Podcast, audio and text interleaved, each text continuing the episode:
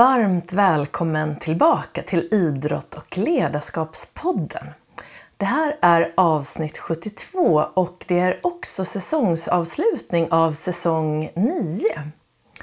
Och eh, det här avsnittet är jag själv gäst och eh, i vanlig ordning så kommer jag prata lite om gästerna som har varit med den här säsongen som jag är otroligt tacksam för och samtidigt ta upp ett ämne som jag har stött på lite extra eh, i min egen verksamhet bland alla elever och klienter jag har träffat eh, angående just framförallt då mental träning. Och eh, det jag har stött, stött på som mest helt enkelt under den här säsongen och det är då år 2020 och det är höstsäsongen för dig som lyssnar i efterhand.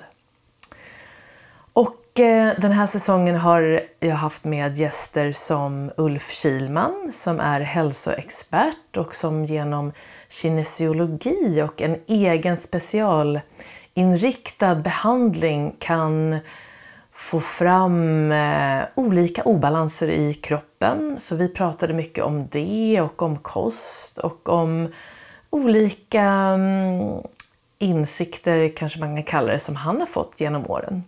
Du har också fått träffa buddhistmunken Yangdom som innebar en spännande resa, ett spännande, eller två spännande samtal om livet och eh, hur, hur Yangdom då som munk ser på livet, mental träning, eh, vikten av att ha ett syfte och att man faktiskt kan hitta ett så kallat livets syfte, kanske lite enklare än vad du tror. Och i det avsnittet pratade vi också, något som, som jag fastnade för och som jag tänker mycket på, det är just det här med rädslor och även ilska. Så ibland brukar jag få frågan från elever i föreläsningar och sådär som säger, men om, om man nu blir sådär arg kanske på golfbanan eller även i andra miljöer inom kanske framförallt sin idrott då, där det är lite mer vanligt att man skriker ut sin ilska eller det är väldigt lätt, man möter liksom de här misstagen på ett väldigt eh, speciellt eh, sätt kan man säga som också är lite accepterat hos eh, allmänheten. Man blir arg ibland och man kan visa det. Men eh, hur kan man egentligen hantera och är ilskan verkligen bra hela tiden? Den tar ju väldigt mycket energi ifrån dig. Så att om man då blir arg till exempel efter att man har missat en serv så kanske det är okej okay, så länge man inte slösar energin till nästa slag, till nästa slag. Eh, och är det på golfbanan ett snett slag och så blir man superarg, absolut, helt okej. Okay. Men om man tar med sig den där ilskan till nästa slag, till nästa slag, då är det ju väldigt stor risk att slagen därefter också kommer att bli dåliga. Så att, lära sig hantera den där energin pratade jag mycket med Youngdom om och han pratade om att det finns vi ofta ser ilska på två sätt men att det också finns ett tredje sätt faktiskt att lära sig hantera den här ilskan så att det blir hälsosamt för dig. Och sen hade, vi då, eller hade jag då med Aron Andersson som är den första personen i rullstol som har bestigit Kebnekaise. Och det är bara ett av alla de här fantastiska äventyren han har gjort. Så Aron är äventyrare och föreläsare och eh, vi pratade såklart väldigt mycket om eh, det här med att överkomma hinder, rädslor men också om mental styrka. Och det jag tänkte mycket på med Aron, framförallt i vårt samtal, det var det här hur han hanterade en situation när han hoppade fallskärm. Där han, det låg väldigt mycket bakom, Det var alltså en situation där han i princip hoppat ut ur planet och fallskärmen löses inte ut. Den här mardrömsscenariot som man själv har, apropå fallskärmar. Eh, hoppa fallskärm. Det hände Aron och han hoppade med sina kompisar. Och när han ska dra ut då den här reservfallskärmen eh, så löses den inte ut. Och den där historien berättar han och då kommer vi in på vad det var som gjorde att han ändå kunde behålla lugnet i den där situationen där han verkligen mötte en verklig rädsla. Och det handlade om målbildsträning, visualisering, att han om och om igen hade tränat på vad gör jag om det här händer? Vad ska jag göra om det händer? Så eftersom han hade gjort det så många gånger så hade han förberett kropp och sinne för att hantera den här situationen när den hände. Så att, eh, det, det kan du verkligen lyssna in på och vi pratar såklart ännu mer på hur man lär sig det här. Ehm, och sen har vi då haft Jamina Enedal med. Hon har också varit med en gång tidigare i någon, en av de första säsongerna i Idrott och ledarskapspodden. Och vi kommer den här gången in mycket på just det här som jag pratar mycket med alla gäster om här, mental träning, men hur du faktiskt tränar mental träning för att kunna hantera press när det gäller, oavsett om det är press på jobbet, Eh, när det gäller en föreläsning kanske, eller en tävling, eller bara press man känner rent socialt eller eh, bland sina vänner och så vidare. Så vi pratar om hur Jamina jobbar med det och vad mental träning är, den här integrerade mentala träning som jag också jobbar med. Eh, och där fick jag också en väldigt spännande historia om hur, vilket ledarskap vi kan lära oss utav bin.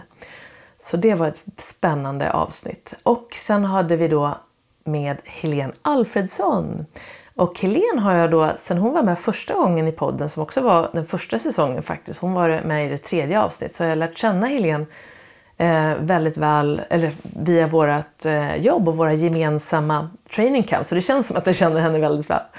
Och eh, det är en fantastisk kvinna som är otroligt proffsig att jobba med. Hon har ett stort, stort hjärta. Och vi pratar om hennes resa såklart och eh, framförallt då det här att hon har vunnit igen. Så Helene har ju vunnit många tävlingar genom sitt liv som golfproffs. Tog ett uppehåll eh, några år och nu har hon kommit tillbaka och vann två stora tävlingar på seniortouren för damer förra året. Så det var spännande att få en ny sån här åter... Eh, ja, eh, att vi pratade om det här igen och hur Helene ser på mental styrka och vikten av att börja från grunden för att hålla i längden och mental tuffhetsträning, fokus och så vidare. Så där får du väldigt gärna gå in och lyssna på den också. Så, eh, och som sagt det här är 72 avsnittet så att du har ju en hel del avsnitt att välja på om du vill eh, gå tillbaka och hitta någon av dina favoriter. De flesta har varit med en gång så det är ju väldigt många gäster att välja på. Och eh, sen har jag då spelat in några avsnitt och bland annat har jag försökt rikta in de här avsnitten där jag pratar mot någonting som har med mental träning att göra. Och eh, det finns ett avsnitt om självbildsträning och det finns ett avsnitt om målbildsträning. Och sen i de andra avsnitten pratar jag en hel del om avspänningsträning som egentligen är den första delen av grunderna inom den mentala träningen. Och idag så tänkte jag prata om hur du kan överkomma, komma förbi, komma under eller över ett hinder som ligger i vägen för dig. På din resa då mot ett önskat läge som du kanske har framför dig. Eller bara ett hinder som du ser. Så att den här terminen eller den här säsongen så har jag stött på väldigt många eh, tankar från mina elever framförallt där de vet vad de vill göra, de har valt eh, olika målbilder, lagt ner tid på det. Kanske valt aktiviteter som man ska göra och nu pratar jag ut efter den här målkartan som jag brukar använda där man har en, en mall där du har ett önskat läge som du börjar med, du har ett nuläge och sen är det en pil mellan från nuläget upp till det önskade läget, det går snett uppåt. Och sen på den där vägen då så fyller man i vad man behöver göra då för att närma sig. Vi är ju under utveckling allihopa hela tiden, eller hur? Tiden går framåt. Ehm, och eh, vad vi då vill göra med den här tiden så fyller vi med aktiviteter som då förhoppningsvis leder oss framåt. Och sen finns det då såklart hinder som dyker upp och då brukar jag rita sådana cirklar på den här linjen som gör att man brukar säga att man tar Eh, ett steg, eller två steg fram, ett steg bak. Och de där stegen bakåt kan ju då uppfattas som hinder på den här resan. Och eh, då har jag stött på det här just där, men jag vet vad jag vill göra men jag, jag gör inte. Oftast brukar de här frågorna dyka upp i början av till exempel mina mentala träningskurser. Så idag avslutade jag eh, höstens mentala träningskurs, den första kursen för hösten. Och eh, i början, så vi håller oftast på i sex eller sju veckor. Vi träffas en gång i veckan. Det brukar vara ett litet uppehåll i mitten. Och från början då så får alla elever börja med att tänka på sina önskade lägen och sådär. Så kommer vi till det här med hinder kanske andra eller tredje gången. Och då är det ju väldigt lätt att man, man fastnar lite. Ja, men det här har jag alltid velat och det går ju inte. Eller det här, eh, eh, det här, jag vet att jag vill göra det här men det, kanske, det kommer ändå inte gå för det har inte gått förut. Eller den här personen har lyckats med det här men jag kommer inte klara av det och så vidare. Det finns liksom väldigt mycket tankar kring varför man inte ska lyckas med det här. Och det kan dyka upp där. Och då tänkte jag att jag delar med mig idag av hur man skulle kunna jobba för att då komma förbi de här hindren som dyker upp då på vägen. Och jag tänker att jag lägger med den här bilden på den här målkartan till eh, den här, det här avsnittet. Så att i länkarna som jag brukar lägga med i texten som hör till det här avsnittet så kommer det finnas en länk så du kan titta på den här kartan och följa den eh, Eh, själv oavsett om du har min bok eller inte. För i min bok då, Stolt, stark och säker, så är den här såklart med. Så hur gör man då för att komma över ett hinder? Så tänkte jag att du ska få nu kanske du sitter ner redan, du kanske går eller springer när du lyssnar på det här. Om du sitter ner så kan du se om du kan gå och hämta papper och penna. Och om du inte har papper och penna nu så kan du göra det här i efterhand då och kanske lyssna tillbaka. Så då tänkte jag att du skulle få börja med att skriva ner, eller så tänker du då, på ett hinder som du har just idag och som du känner att du skulle vilja ta dig förbi eller ta dig över. Så någonting som du känner känns lite jobbigt, någonting som du har försökt klara av, det går inte. Eh, något hinder som du ser finns i ditt liv just nu. Det kan vara något litet. Så jag har till exempel nu, just den här perioden, en liten challenge för mina följare på Instagram och för mig själv. För att min utmaning eller mitt hinder var att jag tycker att jag är lite för trött på morgonen. Så jag har lite problem att komma upp på morgonen, jag sover gärna lite för länge och jag skulle så gärna vilja starta dagen på ett bättre sätt. Och den här utmaningen heter Win your morning, win your day. Och så 21 dagars utmaning. Så varje morgon då så ska vi eh, göra en, tre solhälsningar och sen sätta oss ner och nämna tre saker du är tacksam för och en sak som du önskar med dagen. Så mitt hinder som jag ville ta mig förbi där, det var min morgontrötthet. Eller min vilja liksom att jag ligger kvar lite för länge i sängen och snusar. Eh, och, så blir det lite sådär för stressigt mot vad jag vill. Så nu har jag bestämt mig för att det där skulle jag vilja ta mig förbi. Så då har jag då redan valt en liten aktivitet. Men för dig då, så du väljer ett hinder som du vill ta dig förbi.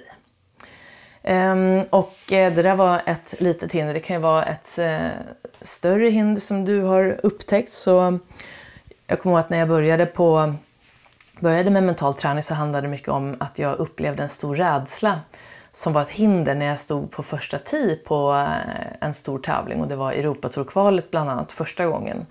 Och jag ville helt enkelt lära mig komma förbi rädslan på första tid. Den här känslan som jag hade då, det var att mitt, eh, min, alla mina tankar riktades till att jag var rädd för att misslyckas. Eh, jag var rädd för att få ett mycket högre resultat än vad jag tidigare hade haft. Jag började tänka, tänk om det blir 100 slag medan min liksom, genomsnittsscore i vanliga fall kanske var 75-76 och helt plötsligt trodde jag att det skulle bli 100 slag. Så jag hade en stor rädsla kring första utslaget. Eh, så det var ett, ett lite större hinder. Du kanske har någonting på golfbanan eller så är det någonting på jobbet kanske. Då, eh, för att ge ett exempel då så kommer ihåg ett hinder som dök upp när jag jobbade som VD för en resebyrå. Det var att min koncernchef, så vi var tio bolag, så hade vi så vi var egentligen mellanchefer, men man var i alla fall, kallades VD för det här bolaget och så hade vi en koncernchef. Jag kommer ihåg att i början, jag jobbade där i sju år, det här var precis andra året tror jag. Eh, I början av i året, jag tror det var i januari, så um, berättade den här koncernchefen för mig att ja, det här året så, um, om vi inte vänder siffrorna nu så vet jag inte riktigt hur det kommer gå för det här företaget.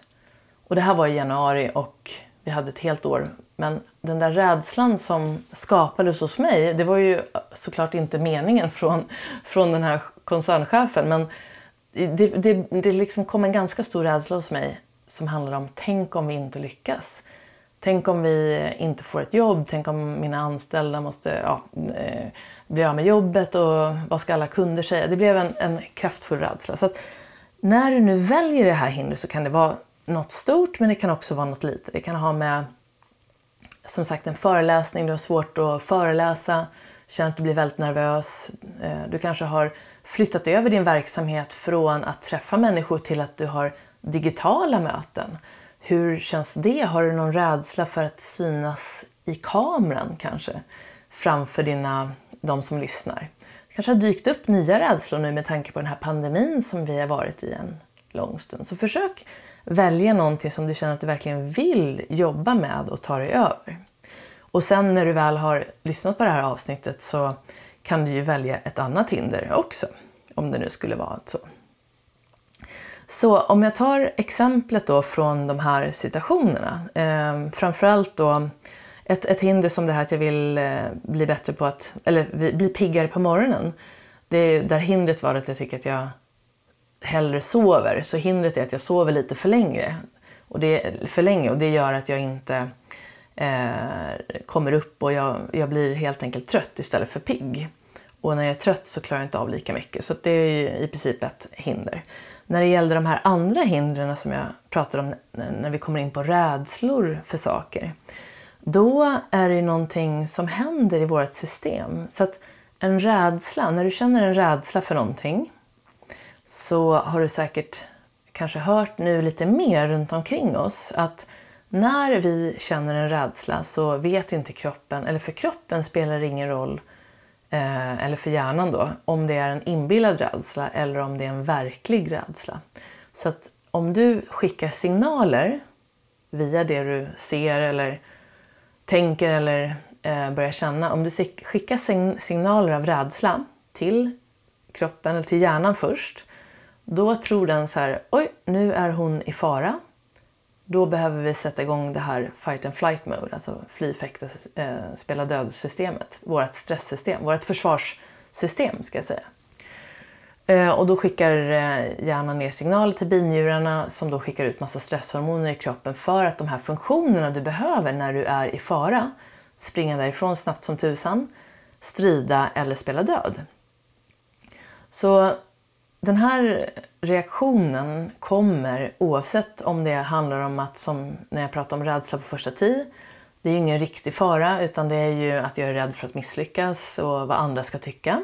Samma sak när jag fick den här, eller den här eh, kommunikationen då från min koncernchef. Det var ju inte heller någon, det var inte jag som var i fara, det var bara jag som inbillade mig i fara. För båda de här scenarierna handlar ju också om något som jag inbillar mig framåt. Det var ju ingenting som egentligen var farligt just då. Men eftersom jag skickar signaler om det så skickar då eh, hjärnan ut de här signalerna, eller du får de här stresshormonerna i kroppen och det blir då lite svårare att hantera det som du ska göra i det läget. Så är det en riktig fara så är det här livsviktigt. Då behöver vi det här systemet, det är bara det att vi behöver lära oss skillnaden. Så att när du ska överkomma och träna på det här med hinder så är det först bra att lägga märke till vad hindret skapar hos dig. Alltså tankar om hindret nu kanske gör att du börjar bli stressad. Så att stresshantering i det fallet är att lära sig reglera sin spänningsnivå.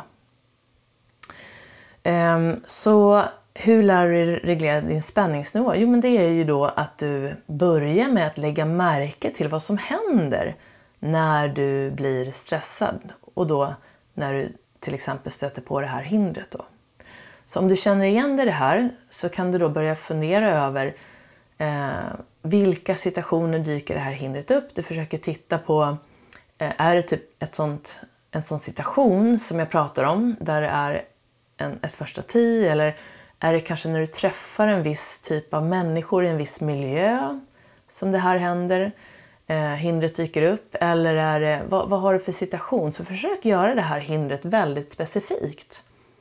Vad är det hindret handlar om egentligen?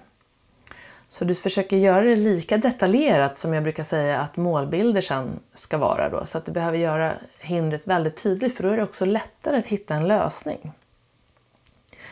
Eh, så att när man sen då ska lära sig förstå hur kroppen fungerar det är ju att under, i min bok har jag tyvärr inte den övningen med tror jag, men den finns med i mina kurser alltid och det är att lära sig förstå hur du reagerar under stress genom att du under fem dagar minst i rad på kvällen noterar om din spänningsnivå har gått upp väldigt mycket någon gång under dagen eller om den kanske till och med har gått ner.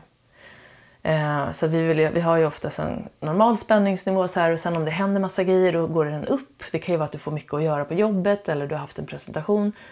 Och sen då efter en sån presentation så ska man ju då kanske slappna av och återhämta sig. Men då kanske du går upp i spänning igen. Så att den här eh, reaktionen som, som du ska skriva ner det är ju om spänningsnivån går upp för att något oväntat händer.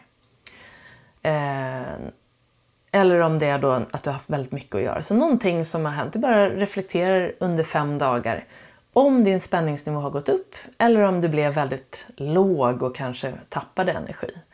Du skriver då också varför det blev så, eh, vad som triggade det här då. Eh, och då ser du tillbaka på den situationen där det hände, försöker föranleda det. Var det någon som sa något? Var det något du såg på nyheterna? Vad var det som hände? Och sen då eh, så skriver du ner det och sen så skriver du också ner hur du reagerade. Hur reagerade kroppen? Fick du någon så spänning i halsen? Kanske vid bröstet? Magen? Eller sa du någonting? Du kanske reagerade väldigt häftigt? Eller så höll du det inne. Så du liksom skriver ner och börjar notera det här under fem dagar. Och sen kan du då börja samtidigt då börja tänka lite på när det här hindret dyker upp som du upplever är ett hinder. Kanske finns det någon spänning kopplat till det.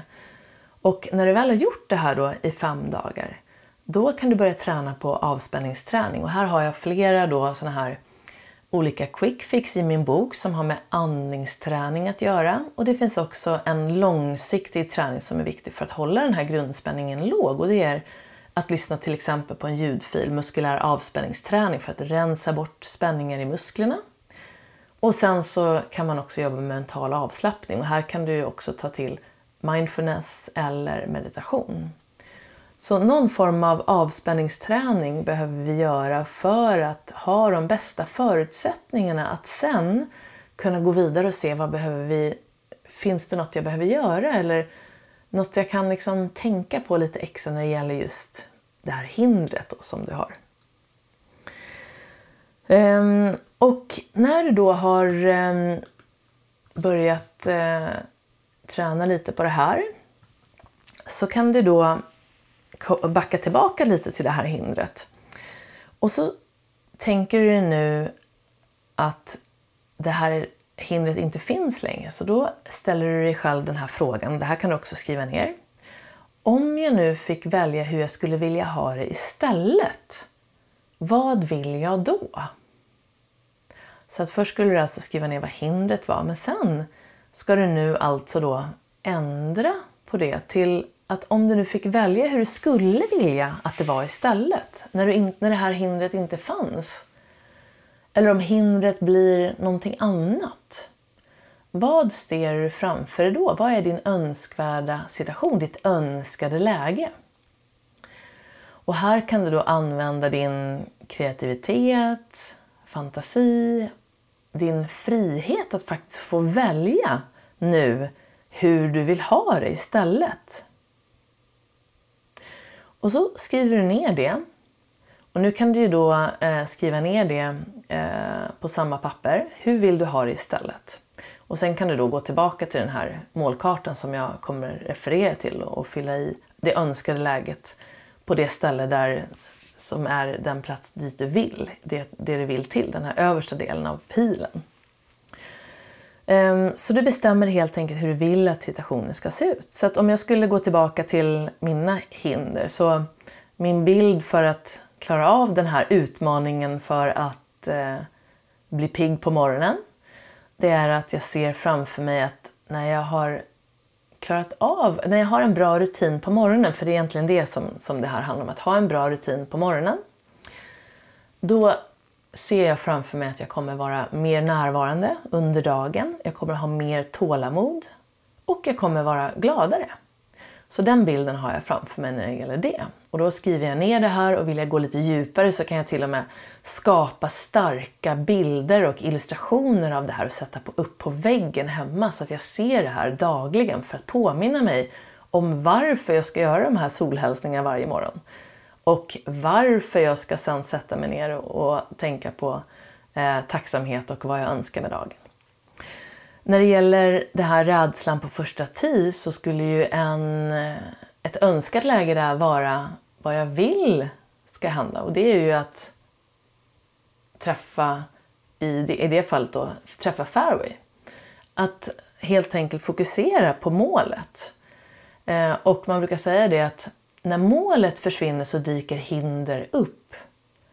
Men det är också tvärtom, så att när målet blir tillräckligt tydligt så försvinner hindren. Så där kan man då jobba med en bild där jag ser framför mig hur bollen då hamnar där jag vill, att jag har ett mål i siktet, alltså ett mål där jag vill att bollen ska gå. Men också hur jag ser ut och känner mig på tid, hur jag är lugn, jag kanske har ett leende på läpparna, gör min rutin. Så du skapar en bild kring det. Och när det gällde den här bilden om eh, när jag fick den här, eller den här kommunikationen då kring ja, om ni inte klarar det här, om ni inte vänder siffrorna i år så är det inte säkert att företaget kommer att vara kvar. Då vet vi inte vad vi ska göra riktigt. Eh, så istället för att tänka okej okay, vi måste klara den här budgeten då, då hade man ju en budget då som vi skulle nå. Det var ju det som, som var siffran. Och vi skulle helt enkelt då öka vår omsättning det året eller öka eh, resultatet, förbättra resultatet. Eh, så istället för att tänka på siffror, för det är ju ofta så att det ger ju inte så jättemycket motivation i nuet. Så en viktig del med de här målbilderna som du sätter upp det är att det ska försöka ge dig en form av glädje i nuet, du ska känna nyfikenhet när du ser de här bilderna eller när du tänker på målbilden. Känna frihet och som sagt mycket motivation och energi i nuet. Och när jag såg en siffra, eh, det här ska vi uppnå, då var den ju istället väldigt fylld med rädsla. Tänk om vi inte når det här resultatet och hur ska det gå då? Så då bytte jag ut den där målbilden och det är det som, som är tanken nu med ditt hinder. Du byter ut det här hindret du ser framför dig till någonting som ger dig glädje. Så i det fallet så var det att jag såg framför massa glad, väldigt många glada eh, resenärer, för det här var en resebyrå. Så bilden var väldigt, väldigt många resenärer och säg att det var 2000 resenärer året innan så såg vi framför oss 2200 resenärer som var jätteglada. Så att en sån bild handlade mer om resultatet. Det var ju att man påverkade faktiskt människor och deras eh, möjlighet till att få åka på en semester och ha ett väldigt, väldigt härlig semester. Och nu när man tänker på det när man inte har fått resa på så här länge så känns ju det ännu mer attraktivt. Eller hur? Att kunna få åka på en fantastisk resa och att jobba på en resebyrå var ju ett fantastisk, en fantastisk känsla. Att man kunde faktiskt hjälpa många människor att komma iväg på en semester som vissa kanske hade sparat till i flera år. Det var en ganska dyra resor eftersom hotellen och resmålen var väldigt, liksom, det var fyra och femstjärnigt. Så det kostade en del att resa så att många hade ju sparat väldigt mycket och de som åkte ofta de var väldigt kräsna klienter. Men i alla fall, så att fler glada kunder blev målbilden där. Så det som är det första tricket då när det gäller att överkomma ett hinder det är att bestämma hur du vill att det ska vara istället. Och sen för att använda ett generellt språk, visualisera det framför dig. Vilket du gör då genom att du ser framför dig hur det ser ut när, du, när det är så som du vill att det ska vara. Och till och med se framför dig hur du redan är där. Så det är som att man se framför mig det du vill ska hända för att sen kunna släppa det och komma tillbaka i nuet. Och apropå hjärnan då, som inte kan förstå om det du inbillar dig när det gäller rädsla eller om det är en verklig rädsla, så är det samma sak med, eh, som sagt, när du tänker på saker, som sagt när det gäller mål och sådär. Eller om du tänker på eh, något du vill klara av så kanske du inte har klarat av det tidigare, men om du visualiserar det och tänker på det mycket, då kommer det öka sannolikheten att du lyckas med det. För det är också ett sätt att förbereda kropp och sinne med vad du vill göra. Och sen då fyller du det här med kärlek, glädje, nyfikenhet, tydlighet, stolthet, motivation.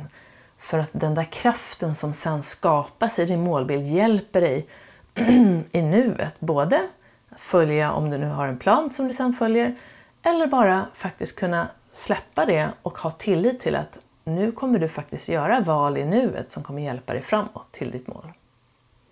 Så det där med vad du fyller ditt mål med är ganska, eller det är väldigt viktigt att det inte finns någon rädsla för att misslyckas eller någon oro för det. Så att om jag hade haft en siffra kopplat till målet eh, bara när det gällde att vi skulle då vända resultaten där.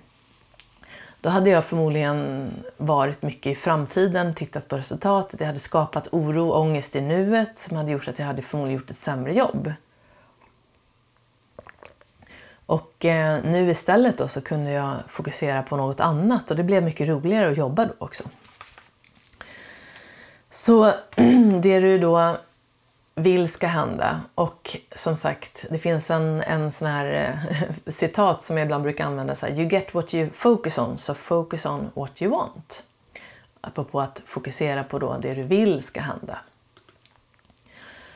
Um, och som sagt, um, när du sen har börjat få ner de här sakerna, du har ditt önskade läge, du har ditt hinder som har blivit ett önskat läge. Då kanske det är så att du behöver förbereda kroppen för att, kropp och sinne för det här och då är det avspänningsträningen, se till så att du kan vara lugn, känna lugnet i kroppen så att du hela tiden har de bästa förutsättningarna. När du är lugn så har du också bättre syresättning och det är mycket lättare att eh, få kontakt med din kreativitet när du behöver din eh, koncentration och du har lättare att vara närvarande.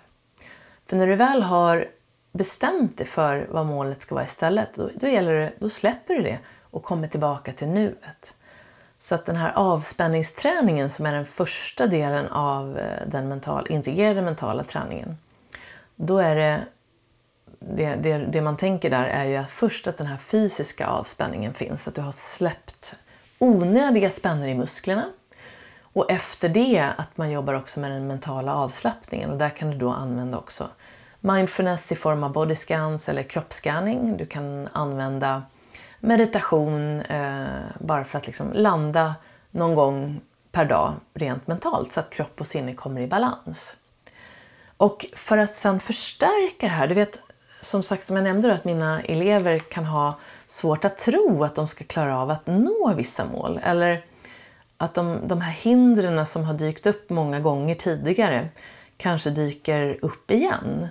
Man kanske har eh, ett sånt här lite vanligt mål är ju att man vill eh, kanske, eller jag säger inte vanligt men det är många i alla fall som jobbar med sin kropp och sin hälsa och sådär. Man vill bli starkare eller smalare eller eh, så vidare. Det kan börja så i alla fall när man jobbar med målbilder men när man får gå lite djupare på det där så kanske det inte är det som är just den målbild du behöver för att ha en hälsosam, stark och lugn kropp. Men men det kommer vi inte prata vidare om nu. Men just att om du nu har, eh, har de här målen och så kanske det innebär att du ska försöka äta mer hälsosamt, då kan det bli väldigt lätt liksom att fokusera på att den här onyttiga maten, den där bullarna eller godiset. Och det är som att det man inte får, det liksom riktar man uppmärksamheten mer till.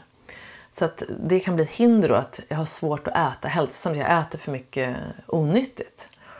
Och så har, har du kanske försökt det här flera gånger och det har inte gått. Och då är det så finurligt då för att det här hindret som du ser, för att det ska förankras lite djupare hos dig så har man då inom den mental, integrerade mentala träningen skapat en eh, mental avslappningsträning som innebär att du skapar din inre plats, ditt mentala rum. Och den här platsen betyder att du i, i den mentala träningen jobbar man mycket mentala, med mentala träningsprogram. Så man kan säga att det är en målinriktad inre träning. Och för att kunna göra den här målinriktade inre träningen så skapar man ett mentalt arbetsrum. Och det här gör man då via en guidning för att det ska bli lite lättare. Men i princip handlar det om att du eh, först blir du avspänd, du får gå igenom eh, de här eh, guidningen för att komma ner i ett avspänt läge och sen då börjar du, får du liksom guidningen då att du ska försöka tänka dig själv på en plats som du verkligen känner att du trivs i och någonting där du verkligen känner att du, allt är lugnt och du känner dig trygg där och, och så, ska, så, får du liksom guidningen att skapa den här platsen. Och det kan vara en plats som finns. Eh, man kallar det det mentala rummet, det är mer en benämning för att komma ner i den här djupa avslappningen. Då. Men genom att man sen kommer tillbaka till samma ställe varje gång så är det lite lättare för, för hjärnan att slappna av. Eh, den känner igen det. Och hjärnan vill gärna ha roligt också. Så att, att skapa ett rum där du verkligen får använda din kreativitet, det är roligt för hjärnan. Så då blir det också lite lättare att sen också slappna av. Ehm, så det här rummet då kan vara någonting som finns, det kan vara någonting som du bara eh, börjar fantisera och hitta på. Det kan vara en känsla och det kan vara kanske att du ser en färg bara. Så det behöver liksom inte vara ett tydligt rum. Så den här guidningen får du i alla fall och det är för att du ska då komma ner djupt i ett avslappnat läge utan att sova. För att säga att du har haft ett hinder, eller du, du märker att du har ett hinder. Och anledningen att det är ett hinder kan ju ha att göra med det som du har varit med om tidigare i ditt liv. Och eh, det man har sett när man tittar på hur, vi, hur vår hjärna funkar det är att det verkar som att nästan över 95 procent tydligen som, eh, som du tänker om din framtid handlar om det som redan har varit.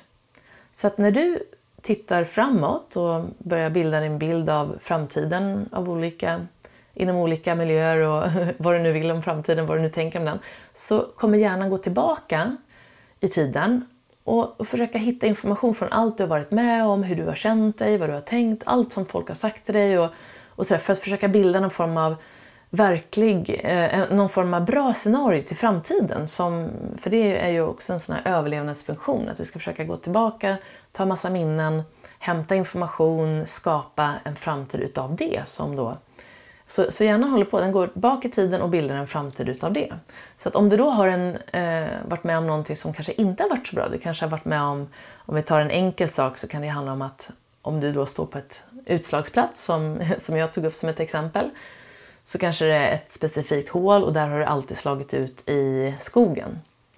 Du kanske har gjort det en gång i verkligheten och du gjorde inte så mycket men nästa gång du kommer dit så gjorde du det igen. Och när du har gjort det två gånger då kanske det blev en känsla kopplat till det. Du blev liksom riktigt förbannad. Nej, nu händer det här igen. Så börjar du använda ett språk kring det här som handlar om att du börjar prata med dig själv. Åh oh, nej, det här hålet, oh, det är mitt eh, värsta hål och jag slår alltid ut i skogen här. Så kanske du säger det högt till dina medspelare du tänker på, du ser framför dig, det har hänt i verkligheten men bara några gånger, men du börjar tänka på det väldigt mycket och börjar prata om det. Och då är det som att det händer om och om, om igen. Och då kanske det skapas en spänning kring det också, för det här är ju ingenting som du önskar, du vill ju inte hamna i skogen, för då får du ju fler slag. Så då blir det också en spänning kopplat till det här och till slut kanske till och med en rädsla. Tänk om det händer igen? Och nej, nu blir det en sån där jobbig rädsla, eller nu blir det en sån där dålig runda igen. Så då är det ju väldigt lätt att det där skapar en form av felprogrammering kan man kalla det. Och felprogrammeringen kan man då ha på många områden och det är väl det som egentligen skulle kunna vara de här hindren som du då kanske skulle kunna välja att du vill komma över. För det är ju lite onödigt att gå runt med en felprogrammering, speciellt om det är någonting du kan göra åt. Så hur gör man då? Så att när du kommer upp till det här hålet igen, så med all säkerhet så kommer du då slå in i skogen igen. För det är allt du har tänkt, allt du har känt och allt du har pratat om handlar om det. Har du då lite tur så kanske det är så att du har trevliga kamrater, och du känner dig lugn, du ska göra något roligt på kvällen, då råkar du slå ut på fairway. Men, men det är mer troligt att du kommer slå ut i skogen igen. Och det här kan du ju ha samma felprogrammering kring eh, att hålla tal. Det kan vara när du ska träffa människor i en viss miljö där du har hänt någonting en gång och så helt plötsligt har du skapat någon form av bild av det som gör att du får en felprogrammering. Eh, utefter, alltså en felprogrammering i förhållande till det du skulle vilja känna och hur du skulle vilja fungera. Så helt enkelt hur du skulle vilja må och fungera. Så då gäller det då att göra en liten omprogrammering. Eller hur? Och det kan man då inom den mentala träningen så pratar man om en målprogrammering. Så att du vänder då det här hindret som vi har precis börjat göra, väljer hur du vill att det ska vara, fyller den där målbilden med glädje, nyfikenhet, kärlek, eh, acceptans kanske om det handlar om ett hinder som har med dig att göra, hur du är. Eh, en målbild kan ju börja skapas med att du accepterar och blir vän med den du är oavsett hur du ser ut, oavsett vad du gör och så vidare. Så att du liksom jobbar med kärlek, glädje, nyfikenhet, stolthet och att du i alla fall framförallt också får motivation i nuet när du tänker på målbilden. Och när du är klar med den här, när du känner att men nu har jag liksom, nu vet jag precis hur min målbild ser ut. Då använder man sig av det mentala rummet. Så då kan du då antingen via guidningen eller när du kan det här så behöver man inte ha en guidning utan då kan man liksom gå till sitt mentala rum utan att få en guidning.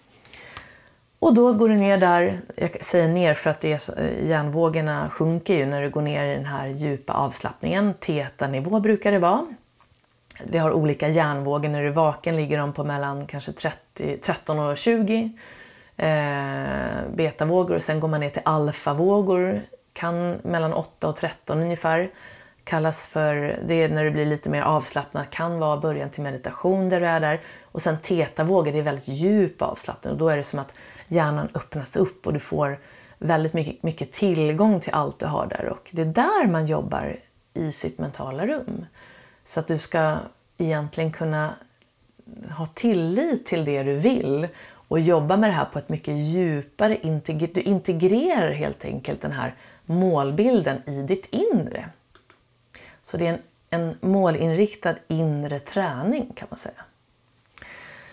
Och så, så gör man det och då brukar man säga, bara för att ha en liten sån här riktlinje, ungefär sju dagar per målbild. Så att den här målbilden som det har blivit då utav ditt hinder blir ju en ny målbild. Och då kan man då titta på den igen. Okej, men vad står nu i vägen från, mellan mitt nuläge och den här målbilden? Vad är det som står i vägen? Vad är det för hinder som nu finns då? Och då kanske det kan vara allt ifrån negativa tankar, det kan vara rädsla för att misslyckas igen, då. det kan vara pengar, det kan vara tid, det kan vara nervositet och det kan vara flera saker. Så försök se återigen nu, så bryter du ner det där igen. Vad är det för hinder som tydligt finns då till det här målet du har valt. Eller om det nu finns några. Och så försöker du göra det väldigt, väldigt tydligt.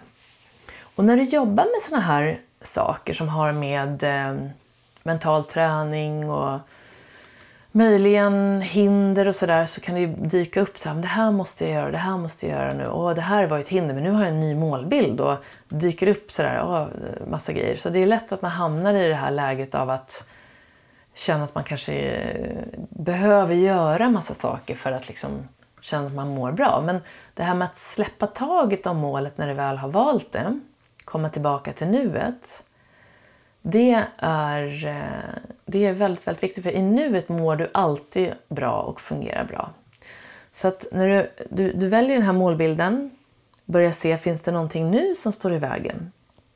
Och sen börjar du då möjligen förhoppningsvis hitta någon lösning till det igen. Du går igenom samma rutin igen. Och sen då har du några aktiviteter som du vill börja göra för att närma dig det här målet. Du ska ta, till exempel ta hand om din avspänningsträning. Där brukar man säga 7-15 minuter per dag, muskulär avspänningsträning. Jobba med din mentala avslappning. Eh, också samma, det kan man välja då sen, muskulär avslappning eller mental avslappning, men i den ordningen i alla fall. Och sen då eh, ser du vad det är för mer saker som du just nu tycker att du vill göra. Och det kan ju vara att du en gång per dag också sätter dig ner en stund och bara känner att du accepterar dig själv för den du är genom att du kommer tillbaka till nuet. Så att i de där 7 15 minuterna som, som man brukar säga att du kan lägga ner på avspänningsträning, eh, eh muskulär avspänning eller mental avslappning, där tycker jag att det är väldigt, väldigt viktigt att försöka lägga ner en liten stund av det på eh, att träna på att vara närvarande. Och att vara närvarande är ju nämligen det som är möjligheten att njuta av den här resan sen. Så du har jobbat med dina målbilder, tittat, skapat, tittat på ett hinder, vänt den till en målbild, sett igen, finns det några nya hinder, börjat titta på lösningar och så har du kommit upp till ett gäng aktiviteter. Och sen då, släpp taget, kom tillbaka till nuet. Och en sån här eh, övning eh, är en, att använda sig av en modell som heter SOAS som jag har lärt mig av mindfulness, eh, i en mindfulnessutbildning av Sara Emilioni här i Stockholm. Och eh, den står helt enkelt för att stanna upp, observera, acceptera och släpp taget. Så att, att vi alltid har med den här stanna upp.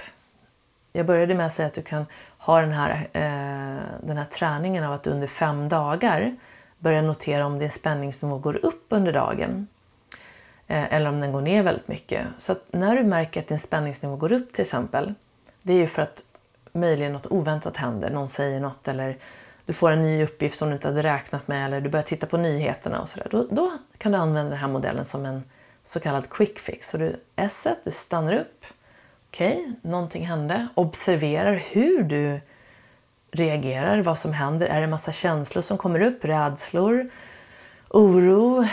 Vad är det som händer innan? Bara observera och sen acceptera, bli vän med de här känslorna som kommer upp. Det är oftast de här känslorna som kan vara jobbiga. De vill man oftast kanske skjuta bort om, de är, om det är rädsla, ilska eller så. Och då tänkte jag som ett eh, litet infall här säga att det jag har lärt mig när det gäller känslor det är att om du kan andas dig igenom en känsla, till exempel efter den här modellen, när du kommer till acceptansen, att bli vän med det som dyker upp när du observerar det, då, eh, då tar det bara 90 sekunder tills den här känslan försvinner iväg och blir en annan känsla. Så att känslor kommer och går och det blir lättare, precis som med tankar, om vi accepterar dem och blir vän med dem, då försvinner de lättare och blir någon annan tanke eller en annan känsla. Så A1 står för acceptans. Och för att det här ska bli lättare då så kan du då använda andningen för att andas dig igenom. Och här brukar jag gå igenom olika andningsövningar. En som jag tycker är väldigt skön att göra det är den här att du andas in, räkna på fyra Håller andan, räknar på till två och sen andas du ut och räknar till sex. Och när utandningen är lite längre än inandningen så aktiverar du ditt parasympatiska nervsystem så det blir alltså lite lugnare. Det är ditt lugn och ro-system. Så A står för acceptans och där kan du använda andningen för att sen komma till S som är släpptaget. Och där släpper du taget om allt du inte kan påverka. Du släpper alltså taget om allting som du inte kan påverka. För det kan du ändå inte göra någonting åt. Så att om tankarna handlar om någonting i framtiden så är det en oro. Alltså om, om du har skapat spänningar i nuet eh, och om det handlar om framtiden, då är det oftast en oro. För att om det är ett verkligt problem i nuet, om det här hindret som har dykt upp till exempel verkligen händer just nu, då kan du ju använda dina resurser du har för att lösa det just nu. Men om det handlar om en oro för ett hinder som är i framtiden, då kan du inte göra någonting åt det just nu. Då är det bara att släppa taget om det och komma tillbaka till nuet där du faktiskt kan göra någonting åt det. Till exempel genom att fortsätta träna avspänningsträning. Och oavsett vad ditt eh, mål nu handlar om eller vad ditt hinder handlar om så kanske det innebär att du behöver fylla på med någon kunskap kanske. Det kanske är en aktivitet. Eh, du kanske behöver kontakta någon för att hjälpa dig med någonting och så vidare. Så att olika mål eller, och olika hinder överkoms ju, du kommer ju över dem på olika sätt.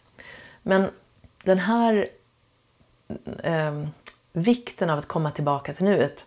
Eh, det finns en bok som heter The Power of Now av Eckart Tolle som har sålts i miljontal exempel. Och den meningen är så bra. Alltså kraften i nuet. Det är ju den enda plats där du än, egentligen kan vara. Din kropp är alltid i nuet.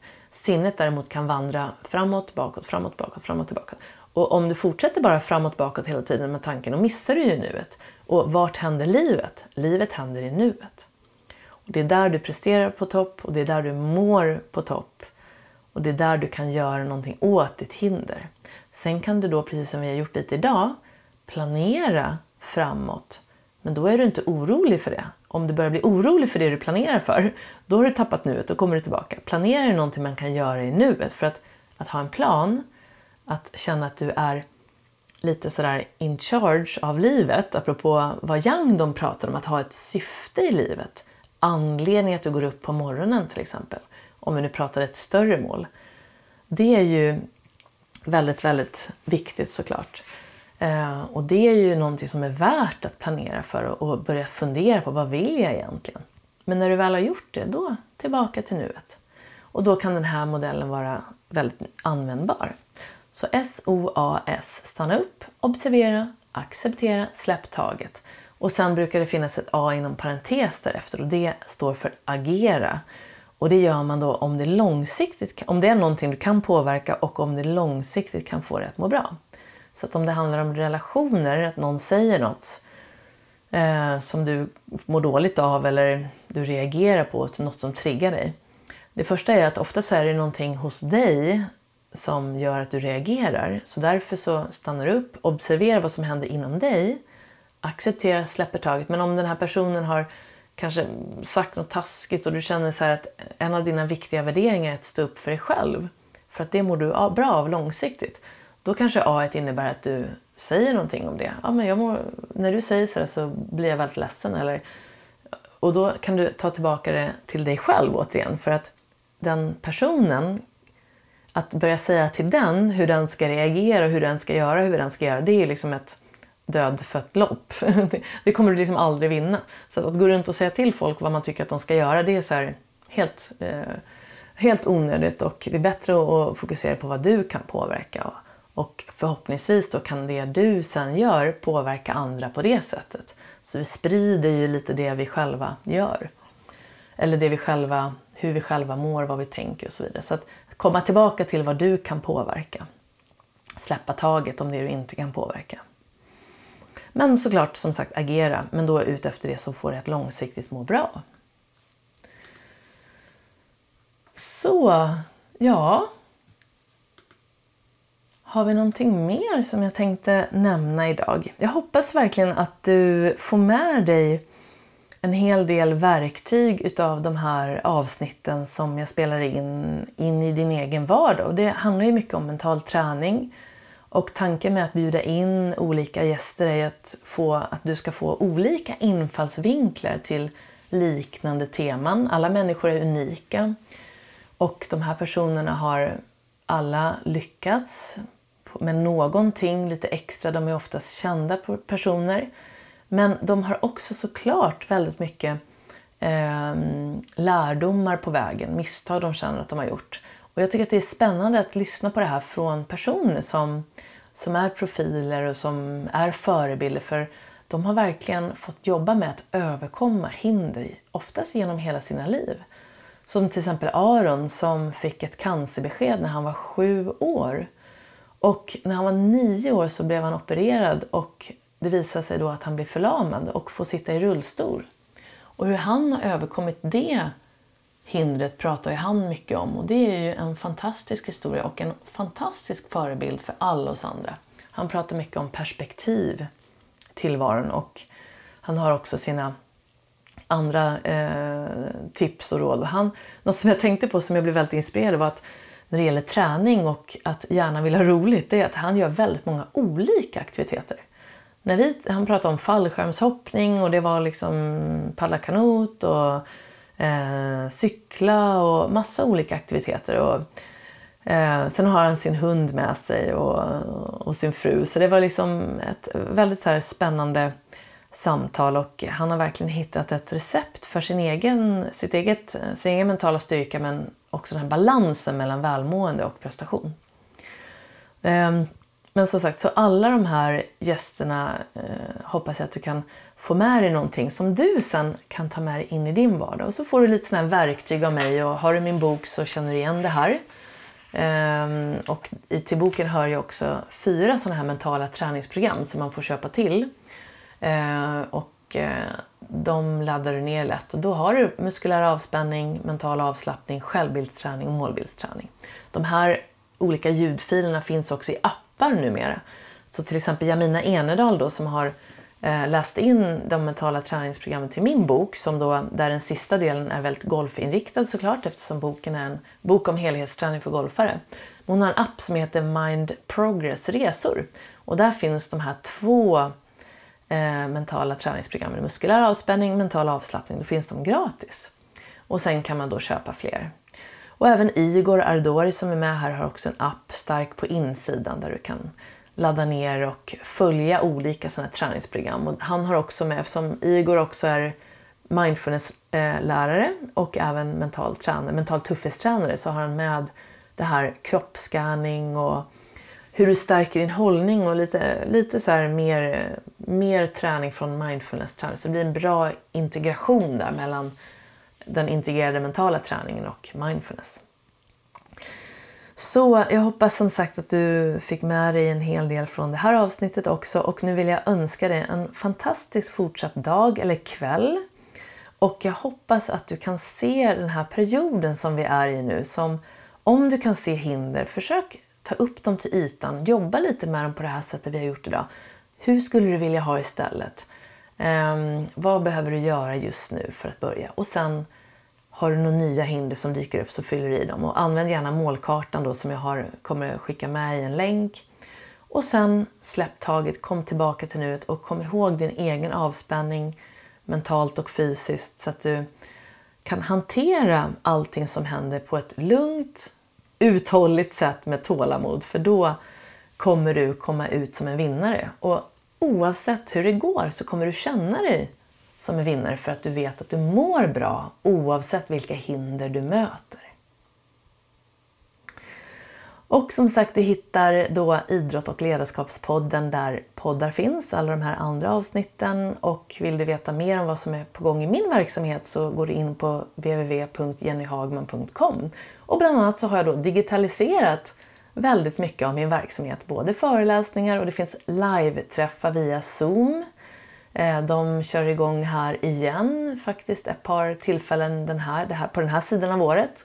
Och sen även 2021 så börjar de eh, torsdagar klockan 18 från, jag tror jag sa, slutet på januari börjar de regelbundet. Och då kan du komma, eh, komma in där och ställa frågor och funderingar om allt du har på hjärtat och jag har också ett litet tema. Och sen de här mentala träningskurserna är nu också möjliga att följa live online. Så gå in där och eh, titta.